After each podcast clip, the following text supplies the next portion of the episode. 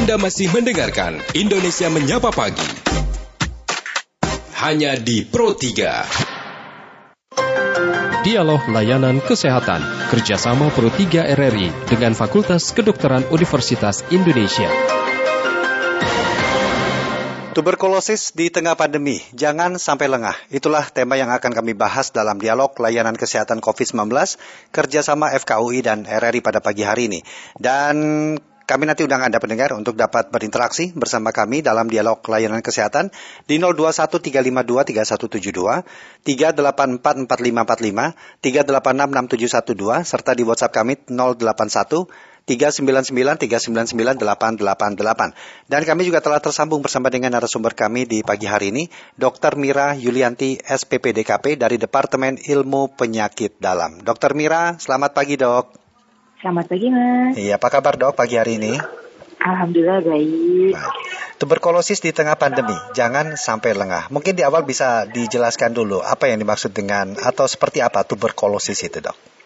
Oke, baik Mas. Jadi tuberkulosis ini merupakan suatu penyakit uh, infeksi yang disebabkan oleh bakteri Mycobacterium tuberculosis. Mhm. Mungkin orang awam lebih kenal dengan istilah uh, flek paru Oh, atau iya. paru-paru basah Mhm. atau uh, ya TB atau TBC seperti itu. Mhm. Nah, uh, jadi penyakit ini menular. Jadi uh, kuman Mycobacterium tuberculosis ini bakteri ya, dia masuk dalam kelompok bakteri itu menular secara airborne. Jadi ini adalah suatu penyakit infeksi airborne yang bahkan sudah jauh lebih dulu daripada COVID nih, Hmm, seperti itu dan iya. sudah jadi masalah eh, dari tahun 1800 dan sampai sekarang kita masih belum berhasil mengeradikasi penyakit ini. Gitu. Mhm.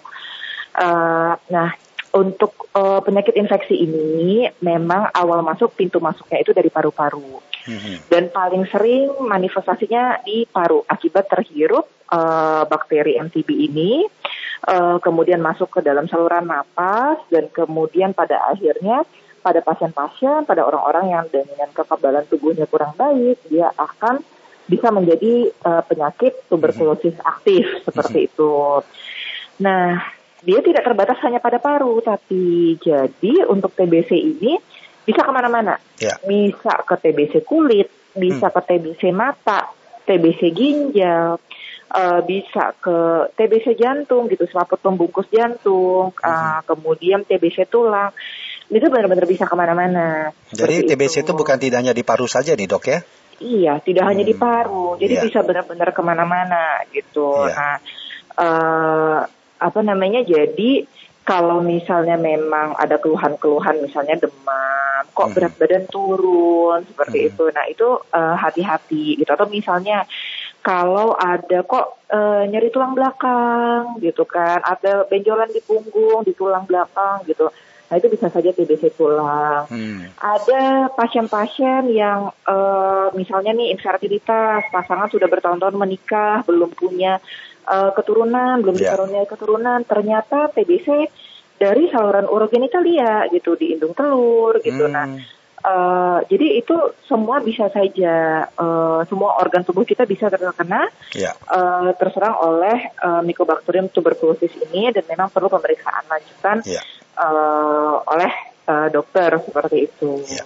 Tapi kalau katakanlah flek paru atau paru-paru basah atau TBC ini, Ah, dok, eh, ah, ada kelompok rentannya nggak ini, dok? Kelompok rentannya adalah orang-orang yang kekebalan tubuhnya menurun. Dalam Hmm. artinya nanti siapa aja ya orang-orang dengan H- Mhm. Kemudian anak-anak di bawah usia 7 tahun. Oh, itu Gitu, rentan di mana juga, dok, ya? Kekebalan tubuh, iya, di mana Mhm. sistem kekebalan tubuhnya itu belum sempurna. Iya. Kemudian eh, orang-orang yang eh, penyakit imunokompromis lainnya, misalnya pasien kanker, Mhm. atau orang-orang yang dengan autoimun atau penyakit-penyakit lain yang akhirnya mendapatkan uh, obat-obatan imunosupresan Mhm. seperti itu.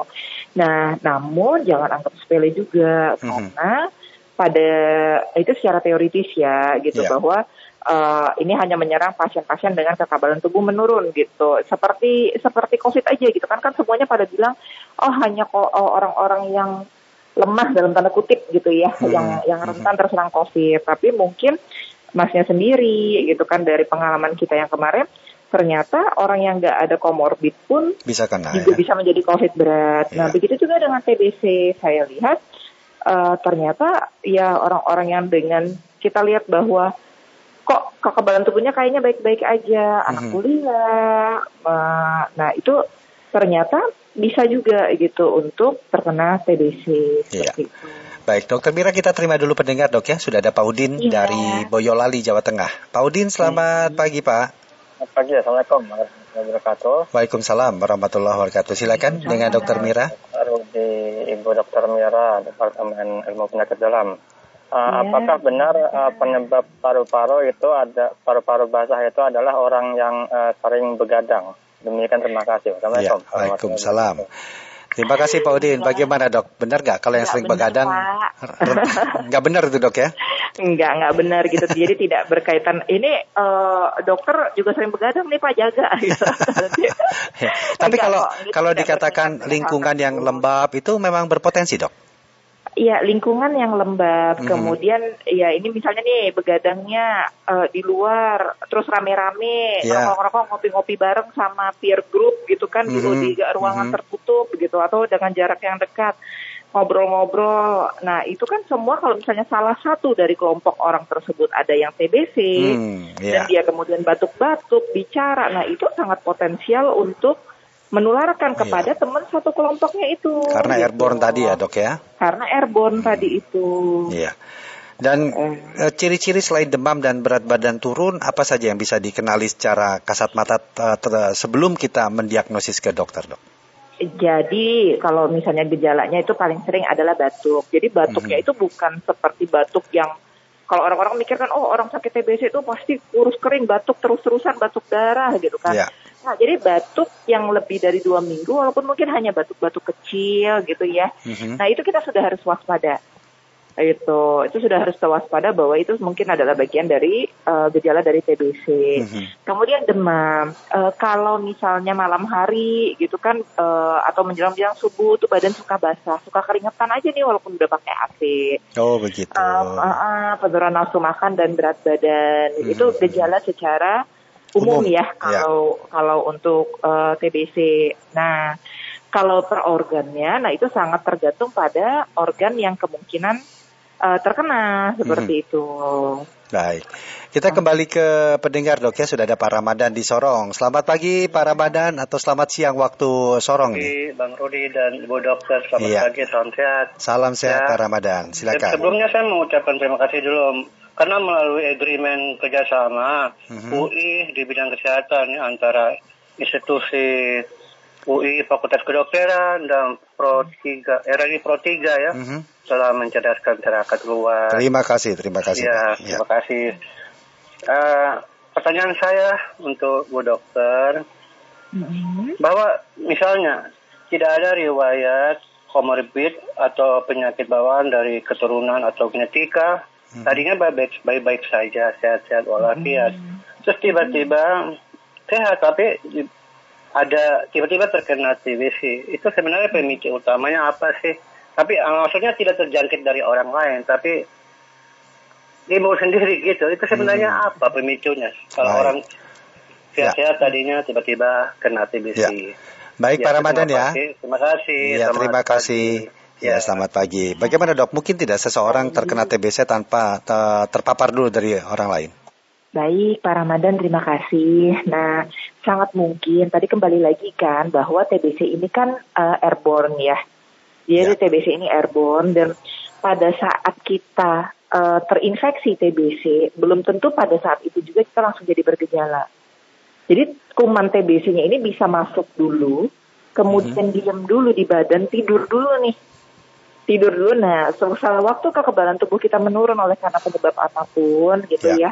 Eh, nah dia bisa bangun Hmm. seperti itu. Nah jadi kan kita akan sangat sulit tuh mentrisnya. Ini kira-kira ini kita sebenarnya ketularannya itu Ya, kapan? jadi Seperti dia akan itu. muncul, akan aktif ketika tubuh kita menurun Ah, daya tahannya itu ya dok ya. Kita menurun gitu, baru Hmm. akan kemudian bergejala aktif. Nah pada saat yang awal masuk itu, itu yang kita bilang dengan TBC laten gitu. Sebenarnya di dalam badan kita tuh sudah ada eh, kuman TBC, bakteri TBC, tapi dia masih belum menimbulkan gejala penyakit yang aktif gitu. Ya, ya. Belum menimbulkan penyakit. Nah uh, tadi orang-orang yang kan tadi maaf tadi saya lupa gitu. Jadi orang yang rentan lagi uh, orang yang sakit diabetes mellitus sakit gula. Oh, oke. Okay. Nah, hmm. ini biasanya DM uh, TB ini temanannya sama DM sama HIV. Hmm. Udah solid, solid banget deh gitu sehingga uh, ya memang kalau semua pasien dengan TBC ya kita harus screening ke arah apakah ada sakit gula ataupun sakit HIV. Mm-hmm. Begitu juga sebaliknya, semua orang yang sakit gula dan sakit HIV kita harus screening rutin nih apakah ada gejala TBC atau tidak seperti itu. Yeah.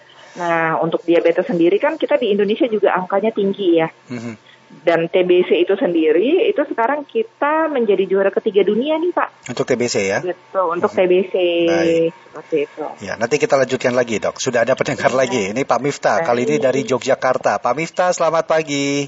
Halo, selamat selamat pagi. Saya Sugeng Enjing dari Jogja. Silakan ada Dokter Mira Yulianti. Apa yang ingin oh, ya, ditanyakan? Jadi anak saya itu umur 2 tahun, ya umur 8 tahun kelas 2 SD itu mm-hmm. jarang batuk. Tapi kalau pas batuk itu dimulai dengan mungkin radang, buat menelan sakit, kemudian panas, pilek, kemudian batuk. Nah itu kalau pas batuknya itu kan sering ada dahak-dahaknya itu udah warna kehijauan itu kalau kehijauan kan kan lengket banget.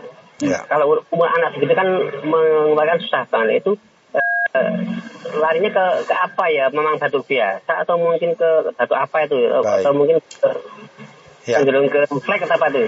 Ya. Mohon penjelasannya ke dokter Terima kasih. Assalamualaikum. Waalaikumsalam warahmatullahi wabarakatuh. Terima kasih Pak Miftah. Silakan dok. Baik, tadi kalau nggak salah anak 8 tahun ya 8 Pak, tahun, ya. Batuk, batuk demam, pilek.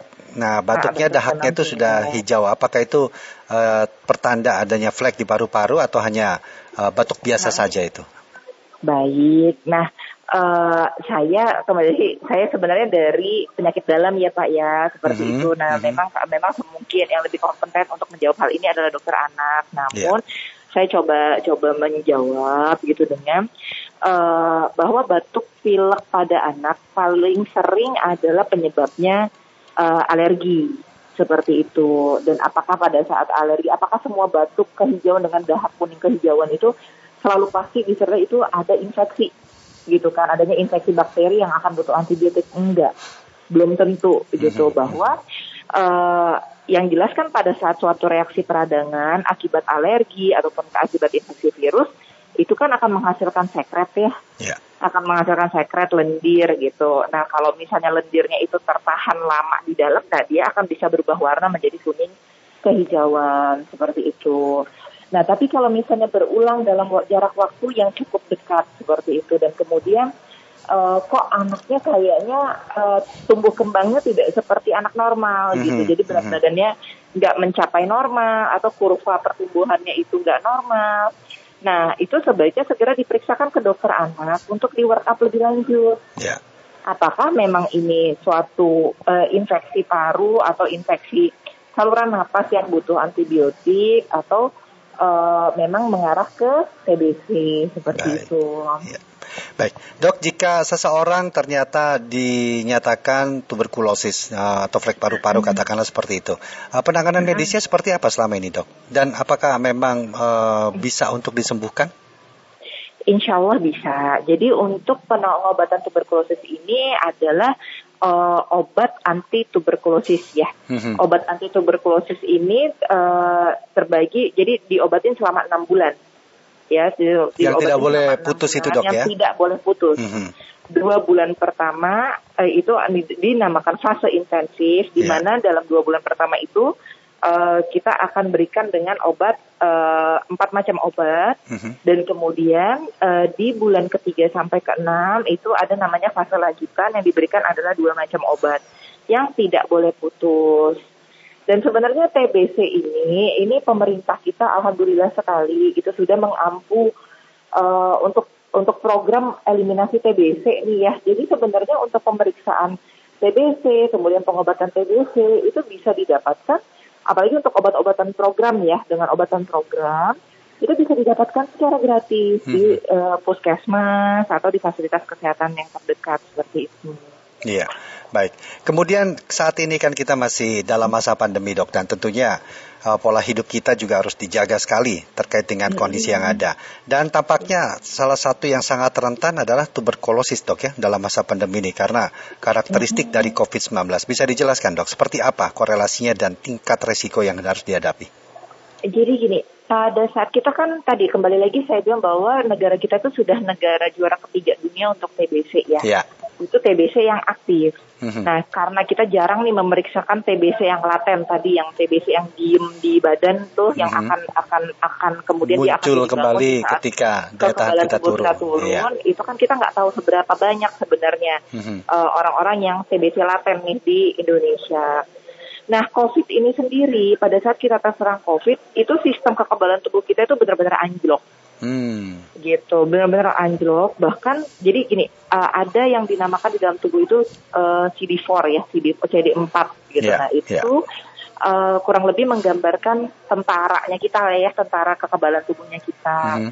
Nah, di saat kita kena COVID, tentara kita ini benar-benar bisa anjlok, bisa berkurang, yang harusnya minimalnya itu 200 minimal ya, mm-hmm. gitu 200, itu bisa turun ke bawah 50. Oh, begitu. Nah, jadi ya. bayangkan bahwa tentara kita habis, nah yang tadinya TBC, yang tadinya diem dikurung sama si tentara ini, mm-hmm. dia jadi bisa bangun gitu. Baik. Nah, sehingga banyak pasien-pasien yang pasca COVID uh, dalam praktek sehari-hari mengeluh batuk-batuk lama gitu kan kan orang nih sekarang suka bilang long covid long covid long gitu ya, COVID, ya post covid yeah. syndrome hmm. gitu. Yeah. Nah pada saat kita work up lebih lanjut ternyata dia TBC. Hmm. Seperti itu. Jadi memang uh, tadi ya bahwa uh, hati-hati gitu bahwa semua orang sekarang ini sangat terpusat pada COVID, long yeah. COVID gitu yeah. yang dan kita uh, melupakan ada satu penyakit yang memang sudah dari zaman dulu gitu Yaitu dan TBC ini ya dok ya. Yang ini TBC ya. ini. Baik, gitu. dok kita terima lagi pendengar dok ya. Ada ya, Pak Oni kali ini di Bantul Jawa Tengah.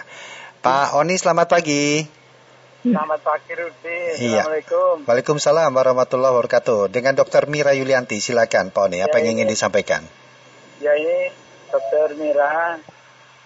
Ini ada penyakit TBC kering dan basah itu seperti apa dan apakah virusnya itu berbeda itu.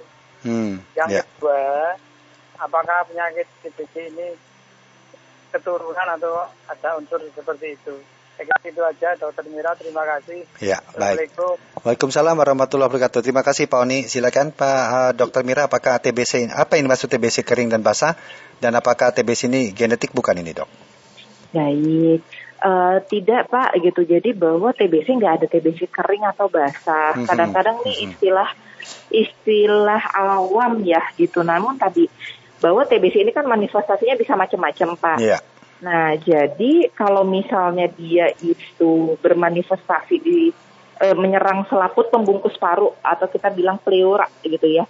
Nah itu dia bisa membuat pengumpulan cairan di selaput pembungkus paru yang itu akhirnya cairan tersebut harus kita keluarkan. Mm-hmm. Nah mungkin ini buat sebagian orang awam yang menganalogikan itu dengan TBC basah gitu kan, okay. gitu.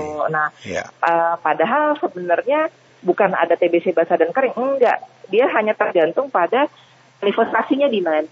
Mm. Seperti itu. Satu tetap sama-sama bakteri Mycobacterium tuberculosis. Jadi dia bukan virus ya, dia bakteri seperti hmm. itu. Uh, nah kemudian tadi pertanyaan kedua, hmm, apakah ada, ini genetik bukan dok? Oh genetik ya. tidak, dia tidak genetik. Nah cuman kesannya misalnya kok ada nih orang satu rumah bapaknya kena TBC, anak-anaknya kena TBC gitu kan. Ya bukan karena genetik, bukan karena turunan, tapi karena airborne-nya tadi. Hmm bayangkan orang yang satu rumah ketemu terus-terusan gitu ya pasti ada di satu ruangan yang sama nah pasti akan sangat rentan tertular si TBC ini Ya, baik. Gitu. Baik, dok melanjutkan kembali ke pandemi COVID-19 dan uh, TBC yang hmm. merupakan terutama yang di paru dok, ini kan sangat rentan sekali. Lantas hmm. apa yang bisa dilakukan untuk bisa menghindarkan uh, terpapar COVID-19 dalam kondisi uh, seseorang yang sudah dinyatakan TBC tadi dok? Satu uh, vaksinasi pak, ya. gitu. Kemudian kedua masker. Gitu ya. Masker ini benar-benar kunci ya gitu. Mm-hmm. Baik mm-hmm. itu baik itu COVID-19, baik itu TBC gitu kan kita akan sangat banyak terlindungi dengan penggunaan masker. Ya. Seperti itu. Jadi bersahabatlah dengan masker gitu bahwa uh, ya yang dibilang ngap, yang dibilang susah napas, mm-hmm. ya ingat aja bahwa kita akan jauh lebih susah napas di saat kita membutuhkan mesin bantu napas dan bantuan oksigen. Mm-hmm. Dibandingkan Baik. dengan ngapnya kita karena memakai masker. Ya. Dan apakah so, seseorang yang memiliki TBC tadi semakin rentan jika terpapar COVID-19, dok? Ah, kan semakin rentan? Iya. Jadi gini, hmm uh, walaupun itu penelitiannya laporan-laporannya masih penelitian kecil ya gitu bahwa memang pasien-pasien dengan komorbid uh, komorbid TBC gitu kan kalau misalnya dia kena COVID ya akan bisa lebih bermanifestasi berat gitu untuk COVID-nya. Mm -hmm. Seperti yeah. itu. Tapi yeah. apakah angkanya menjadi lebih tinggi gitu untuk nggak ada gitu. Ya. Cuman manifestasinya menjadi lebih berat saja. Ya. Baik, Dokter Mira mungkin ada yang ingin disampaikan kepada pendengar kami terkait tema kita tuberkulosis dan waspada di masa pandemi ini dan mungkin apa yang perlu kita lakukan untuk terhindar dari keduanya. Silakan dok. Baik, jadi tadi bahwa uh, eh, TBC ini uh, jangan sampai dilupakan gitu bahwa ini adalah suatu penyakit infeksi yang harus kita uh, eliminasi bersama seperti itu. Nah, kemudian pada masa di mana uh, pasien saat ini orang-orang saat ini sangat-sangat terpusat nih mikir semuanya tuh COVID, gejala batuk apa-apa semuanya dipikir COVID gitu. Jangan lupa bahwa gejala batuk, sesak, demam itu juga bisa merupakan gejala TBC seperti itu. Jadi segera periksakan diri ke dokter bila mengalami gejala-gejala di atas, khususnya bila ditambah lagi dengan penurunan nafsu makan dan berat badan seperti itu. Kemudian bagaimana supaya kita terhindar ya jelas dengan menerapkan protokol kesehatan, menjalani pola hidup yang sehat, khususnya dengan menggunakan masker. Ya. Baik, Dokter Mira Yulianti, terima kasih banyak dok sudah meluangkan waktu berbincang dalam dialog layanan kesehatan COVID-19 dan mudah-mudahan apa yang disampaikan Dokter Mira bermanfaat besar buat kita semuanya dok. Amin. Terima kasih. Ya, sekali lagi ya, terima kasih Dokter Mira. Salam sehat selalu. Selamat pagi. Selamat kembali beraktivitas, Dok. Iya, sama-sama Bapak. Assalamualaikum. Waalaikumsalam warahmatullahi wabarakatuh. Dr. Mira Yulianti, SPPDKP, Departemen Ilmu Penyakit Dalam. Dan terima kasih untuk Anda yang sudah berinteraksi dalam dialog layanan kesehatan COVID-19. Kita akan bertemu kembali dalam sesi yang berbeda, tentunya setiap hari Senin sampai dengan Jumat. Anda kembali dapat mengikuti dialog layanan kesehatan hanya di Pro 3 RRI. Demikian dialog layanan kesehatan kerjasama Pro 3 RRI dengan Fakultas Kedokteran Universitas Indonesia. Acara ini bisa Anda dengarkan setiap Senin sampai dengan Jumat pukul 9.30 waktu Indonesia Barat.